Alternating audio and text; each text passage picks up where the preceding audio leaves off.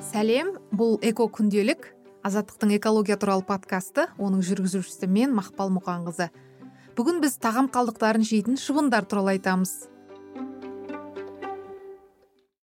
Күн сайын кез келген үйден кез келген орыннан тағам қалдықтар шығады. Ашылған картоп дейсіз ба пияз қалдығы банан қабы желінбеген тамақ сүйек тағы басқа. Көп жағдайда олар қоқысқа төгіледі одан әрі полигонға барады. Ол жақта не болып жатқанын ойлаудың өзі қорқынышты. Ғалымдар есебінше қалдықтардың отыз пайызы органикалық қалдықтар. Олар дұрыс шірімесе метан бөледі. Осылайша ғаламдық жылыну процесін жылдамдатуға үлес қосады. Тағам қалдығын полигонға тастау бұл екі есе тиімсіз. Біріншіден бұл ауа су топырақты ластайды. Екіншіден ысырапшылдық. Сол себепті мұны басқаша шешу керек дейді.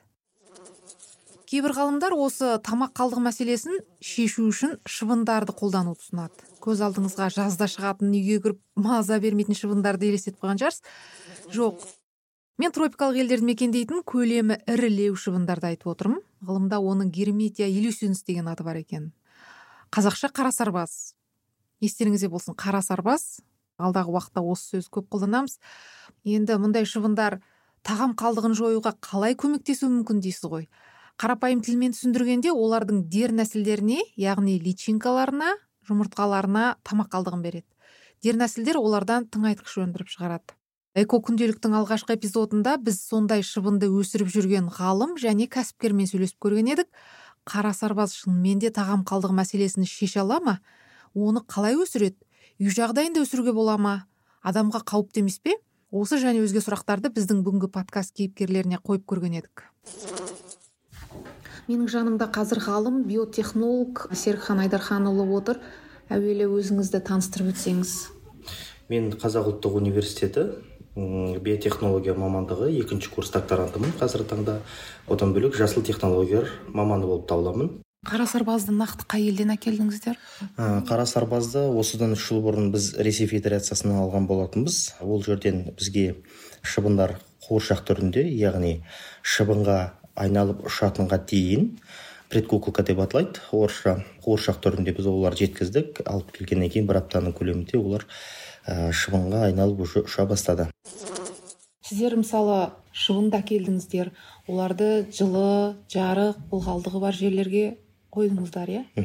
Одан кейін дернәсілдер пайда болды. Одан кейін сол дернәсілдерге сіздер тамақ қалдығын бердіңіздер менің түсінуім бойынша солай ма? Қара сарбаз мысалға елдерге айтатын болса шыбын өсіріп жатыр шыбын тамақ жейді екен деп yeah. Иә. шыбын тек қана олар көбеюмен ғана айналысады. Олар жұмыртқа салумен ғана айналысады.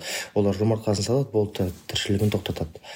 Ал сол салынған жұмыртқа тікелей тағам қалдықтарын басқа да органик қалдықтарды өңдеуге қабілетті. Барлық процесс сол жерде жүретін болады. Ал шыбындар ә, тек қана олар ауыз қуысы дұрыс дамымағандықтан тек қана сумен ғана қоректенеді. Яғни ол жерде таза су берсең де болады әртүрлі жаңағы қоспа ретінде қант қоссаң да мысалға одан бөлек басқа да дәмдеуіштер қосып шыбынның иммунитетін жақсартатын сумен қамтамасыз етуге болады ол жағын. Негізі қара сарбаздар қалдықтың бәрін жей бере ма ет дей ма мысалы ет болады жүгері болады әртүрлі. Әрине ә, қара сарбаз негізі дернәсілді мұнда жұмыртқадан шыққаннан бастап екі күн инкубационный период деген болады. Олар өте ұсақ дернәсіл болып шығып ә, ол өзінің тағам ортасына түсу керек. Оның өзінің тағамдық ортасы болады. Үйрену үшін сәл кішкене әл жинау үшін. Одан кейін екі күннен кейін біз оны жаңағы тағам ортасына қоямыз. Ол бір үш төрт күннен кейін қараймыз қаншалықты мөлшерде кішкене өсіп қалыпты деп. Ә, оны одан кейін басқа үлкен тағам қалдықтарына тастаймыз. Бірінші сәл өсіріп аламыз. Өсіргеннен кейін барып неге тастаймыз? Өсірген кезде сол тамақ қалдықтарын бересіздер иә? Жоқ өсіргенде біз таза кебекте өсіреміз. Кебек біріншіден ол ауа өткізгіш қабілеті өте жоғары әрі жеңіл және жаңағы басқа да минералдарға бастапқы дернәсілдің әлденуіне өте жақсы субстрат болып табылады. Негізі тамақ қалдықтарын берген кезде олардың бәрін ұсақтап бересіздер ғой негізі? Бізге тағам қалдықтары әртүрлі жағдайда келеді. Оның ішінде сүйектер де болады пластикалық ыдыстар да болады. Біреу сорпа түрінде келеді. Болмаса бірнеше күнгі тұрып қалған қатып қалған нандар болып келеді. Олардың барлығын бір консистенцияға келтіріп аламыз ә, бір ылғалдылыққа. Ал ішіндегі сүйектер болады. Мысалға ол сүйектерді біз ет турағыштан өткізбейміз. Себебі оны тікелей жаңағы бірге ә, берген кезде бүткіл өзіне қажетті жаңағы қалдықтардың барлығын өңдеп ә, жаңағы қатты қалдықтар болады ғой ішінде сүйек сияқты yeah. тек қана сүйек қана қалады. Оны ә, ситрадан өткізген кезде оңай сұрыптауға болады. Ешқандай қиындық тудырмайды ондай жерде. Қара сарбаздар 14 күннен кейін үлкейді тамақ қалдықтарын жеді одан кейін сіздер оларды дернәсілдермен одан кейін тыңайтқыштарды сүзгіден өткізіп аласыздар ғой яғни? Иә електен өткіземіз. Өзі белгілі болады көзбен көріп. Мынандай жағдайда мына ә, електен уже өткізуге болады. Бұлар тағам өңдеу қабілетін тоқтатты. Мхм өңдеу процесін тоқтатқаннан кейін оны біз арнайы електен өткізіп дернәсілдерді бөлек тыңайтқышты бөлек алып қаптап қоямыз. Дернәсілдерді бізде арнайы аппарат бар. Кептіргіш аппарат. Сол аппаратқа салып оларды кептіреміз. Кептіргеннен кейін ә, олардың жарамдылық мерзімі ұзарады. Ұзарғаннан кейін қаптарға қаптап ә, оны кейін жаңағы құстарға балықтарға жануарларға ұнтақтап қоспа ретінде қосып бере беруге болады. Осы қара сарбаздар өндірген тыңайтқыштың құрамы қандай болып шықты негізі? Қара сарбаздар өңдеген тыңайтқыштардың құрамы бұл жерде органикалық қалдықтардың құрамына тікелей байланысты. Мысалға тағам қалдықтарынікі бөлек болып шығады ә, көңді өңдеген кезде бөлек болып шығады құс саңырағын өңдеген кезде бөлек болып шығады. Мысалға алып қарайтын болсақ қазіргі таңда калифорниялық жауынқұрттар мен биогумус өндіріп жатыр ғой. Олар енді ә, басты тұтынатын шикізаты ол сиыр көңі. Сиыр көңі болғандықтан олардың жалпылама негізінен құрамы бірдей болып келеді. Ал мұнда денесілдер тағамның сапасына байланысты жеген органикалық қалдықтардың сапасына байланысты бұлардың тыңайтқышының құрамы өзгеріп отырады. Ә, негізінен біз осы тірі күйінде де кептірілген күйінде де зерттеу орталықтарына бердік. Ә, тағамтану сияқты ә, осы ақуыздық мөлшерін зерттейтін анализ орталықтары бар ғой сол жерлерге де беріп көрдік. қырық пайызы протеин ақуыз иә ақуыз иә. қырық пайызы майдар болып шықты. Ал қалған жиырма пайызы өте көп мөлшерде амин қышқылдар енді түрі көп қой. Әртүрлі жаңағы амин қышқылдарға бай болып шықты. Негізі оларды пайдаланып жүрген фермерлер бар ма сіздерде? Иә бізде сіз өзіңіз пайдаланбайсыз ба? Мысалы үйде Э, пайдаланып көрген жоқсыз ба? енді өзім көпқабатты үйде тұрғандықтан біріншіден шыбынды өз үйімде өсірмеймін. Ә, екіншіден алынған тыңайтқыштарды үйдегі гүлдерге де ә, мен тыңайтқыш ретінде бердім. Үшіншіден осы қазіргі таңда бізбен жұмыс жасап жатқан құс өсіру фермалары одан бөлек экзотикалық құстарды өсіретін фермалар бар. Ә, солар алып жатыр мысалға. Біз айттық ә, жемге тек қана жиырма отыз процент қана қосасыздар деп. Ә, бізге бір жолы айтып келді мына экзотикалық құстарды өсіретін әртүрлі сәндік мақсатта өсіретін құстар бар ғой. Ә, соларға көлемі сәл ғана асырып жіберген екен. Семіріп жұмыртқа салмай қойды деп бір бір айтып келген. Кешіріңіз жаңағы дернәсіл берді ғой ондай құстарға иә? Иә дернәсіл иә? Тірі дернәсілді кептірілмеген тірі дернәсілдерді алып кетеді олар ә, тоңазытқышқа сақтап қояды қатырып ә, күніне керек мөлшерін сол жерден алып құстарға беріп отырады. Бұның ең тиімділігі жаңағы жем көздерін алмастыруға өте ыңғайлы. Осыны жеген құстар балықтар басқа да жануарлар ауруға төзімді болып келеді. Ал енді қара сарбаздың өзінің аурулары бола ма? Қара сарбаз шыбындарының аурулар болады бірақ ә, бізде әлі ондай кездеспеді. Ондай жағдай орын алмады. Ә, шыбындар жағынан да біздің адамдар жағынан да ондай міне үш жыл аралығында ондайды әлі біз кездестірмедік. Ә, мысалы айталық қара сарбаз мысалы аурудан өлген малдың етін жесе не болады өзі ауырмай ма немесе инфекция өткізгіш дей ма не дейді. Ал одан шыққан тыңайтқыш жарамды бола ма негізінен? Ә, әрине бұл жерде өте орынды сұрақ. Ол ә, мысалға өлген мал оны біріншіден жаңағы ет турағыштан өткізеді. Ет турағыштан өткізіп оны таза етті тікелей тастай салмайды ғой. Енді оны бірінші ұсақтап ұсақтағаннан кейін барып жаңағы дернәсілдерге бергеннен кейін дернәсілдердің өзінің құрамында организмінде осы бактерияларды вирустарды бейтараптандыратын өзінің организмінде қасиеті бар. Яғни одан шыққан тыңайтқыштар зиянсыз болып келеді.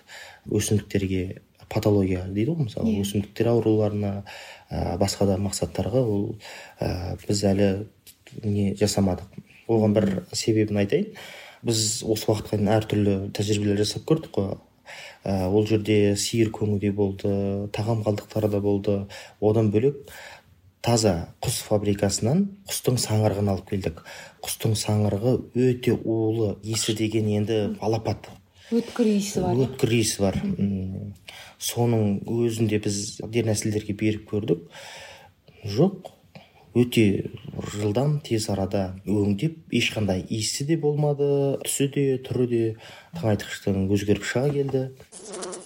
Мына тамақ қалдығын өңдеу жағынан шылаушыннан асып кетеді деп өзім естідім. Әрине шылаушын мен қара сарбаз дернәсілдерінің екеуін салыстырып қарайтын болсақ ыыы шылаушын дернәсілдердің өзінің бір оңтайлы жақтары болады және теріс жақтары болады. Ал қара сарбаздың да дәл сондай өзінің оңтайлы жағы болады және теріс жағдайлары болады. Ә, мысалға бұл жауынқұрттар қалдықтарды өңдейтін болса өте баяу. Ал мына қара сарбаз олардан он есе тез жылдам арада өңдей алады. Және кез келген қалдық көлемін жылдам арада қысқа уақыт аралығында өңдеуге қабілетті. Бірақ қара сарбаз нәсілдері оларға күтім керек әрдайым жаңағы бақылап отыру керек. Ә, сол жағынан көбірек күтім иә он төрт күннен кейін олар өмірін тоқтатады одан қайтадан жаңағы шыбын нелерін алу керек. Күнде бақылауда ұстап отыру міндетті ал шылаушындар болатын болса олар өз өмірінде өмір сүріп жаңағы әртүрлі мәліметтерді айтады ғой біреу жиырма жыл өмір сүреді біреу отыз жыл біреу жиырма бес жыл өмір сүреді дейді мысалға. Сол аралығында олар бірнеше мың бірнеше жаңағы миллион өздерінің жұмыртқаларын тастап жаңағы көбейе алады. Түсініп отырсыз ғой. иә, иә. оларға жаңағы арнайы бір күтімнің қажеті жоқ. Иә. Ә, бірақ та оларға тікелей енді не бермейді ғой. Оларды арнайы бірінші компосттайды беретін тағамдарын алдымен компосттап компосттағаннан кейін барып жаңағы сол шылаушындарға береді. Оны өзімде осы осыдан бес алты жыл бұрын осы қалдықтарды өңдеуде осы шылаушынан бастаған болатынмын ол қандай қыр сырлары қандай артықшылықтары қандай кемшіліктері болғандықтан ә, ол жағын жақсы білем. одан кейін мына қара сарбазды естігеннен кейін көргеннен кейін осыған қызығушылық өте артты. Ә, себебі шылаушындар олар кез келген органикалық қалдықты өңдеуге қабілетсіз. Ал мына қара сарбаз кез келген органикалық қалдықты кез келген паш ортасына қарамай қабілетті өте жоғарғы. Қара сарбазды үй жағдайында өсіруге бола ма? Қара сарбаз әрине ол үшін не керек? ол үшін айтарлықтай бір кереметті жаңа технология керек жоқ. Бір кішкене көлемде тор жасап перде дейді тюль дейді ғой мысалға ауа өткізгіш қабілеті жоғары сондай матадан тор тігіп соның ішіне жаңағы сол көлемге байланысты қуыршақ дернәсілдерін саласыз. Шыбынға ұшатын шыбынға айналатын кездегі дернәсілдер ғой енді. Соны салып ылғалдылығын жарығын температурасын осы үш ә, факторда сақтасаңыз неге өсірмеске өсіруге болады әрине. Біз осы подкаст дайындау барысында қара сарбазды үй жағдайында өсіріп тағам қалдықтарын өңдеп жүрген кәсіпкермен де сөйлесіп көрген едік.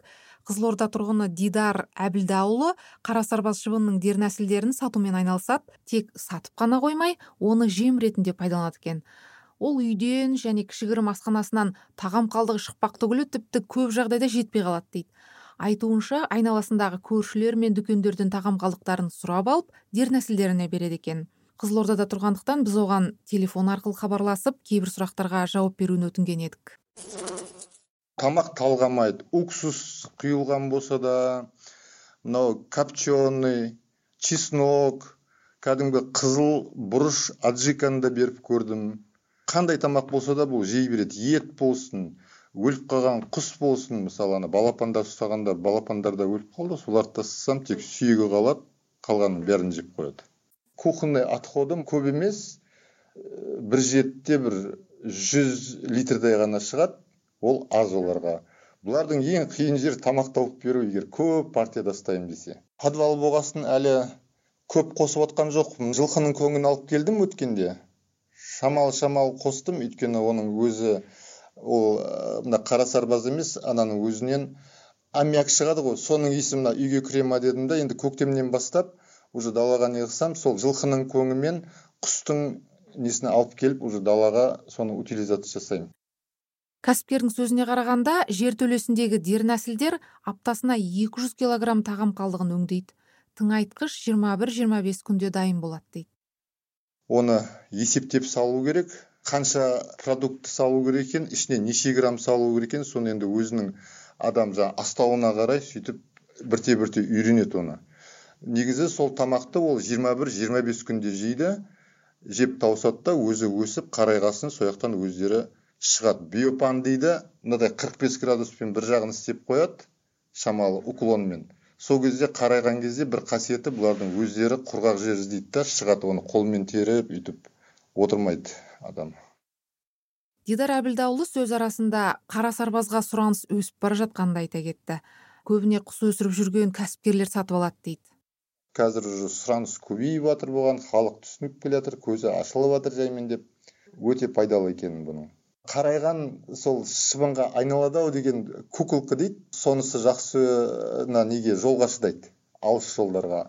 Атырау ақтау менен орал ақтөбе бүкіл қазақстан алып шықты ғой петропавл павлодар астана біраз адамға саттым. Сосын жұмыртқасы жолға жақсы шыдайды. А личинканың өзі ол ылғал болғасын неде пойыз болсын машина болсын вибрация болады да ол пресстеліп қалуы мүмкін. Мына шылаушымен айналысатын кісілер осымен де қосыла айналысып жатыр. Енді бір біріне ұқсайтын кәсіп қой.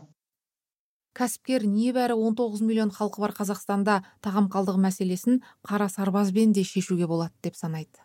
Негізі қазір ең утилизация жағынан ең жақсы вариант осы қара сарбаз өйткені шетелде голландия мемлекетінде бүкіл европаның мусорын қабылдап еще ақша төлейді оларға. Содан протекс деген компания 14 гектар жерде осы қара сарбазбен бүкіл отходты переработка жасап одан балыққа ең қымбат бекіренің тамағы қазір өйткені ішінде 44 процент протеин болу керек. Любой кормның бағасы составындағы протеиннің процентажына байланысты.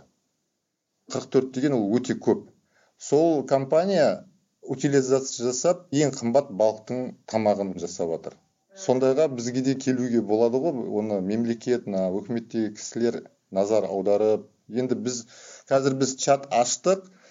Әр облыстан адамдармен сол жергілікті акимат соларға барып осы мәселені сөйлесіп көрсін деп. Қазақстанда осы қара сарбаз көмегімен тағам қалдығын өңдеуге патент алған кәсіпкер де бар. Ол жөнінде біз алдағы эпизодтарымызда айтамыз. Эко күнделіктің тағам қалдығын өңдейтін шыбындар туралы алғашқы эпизоды осымен аяқталды. Эко күнделік подкасты екі аптада бір рет шығады. Сіздер оны азаттық сайтынан google apple подкасттан спотифайдан тыңдай аласыздар. Сау болыңыздар.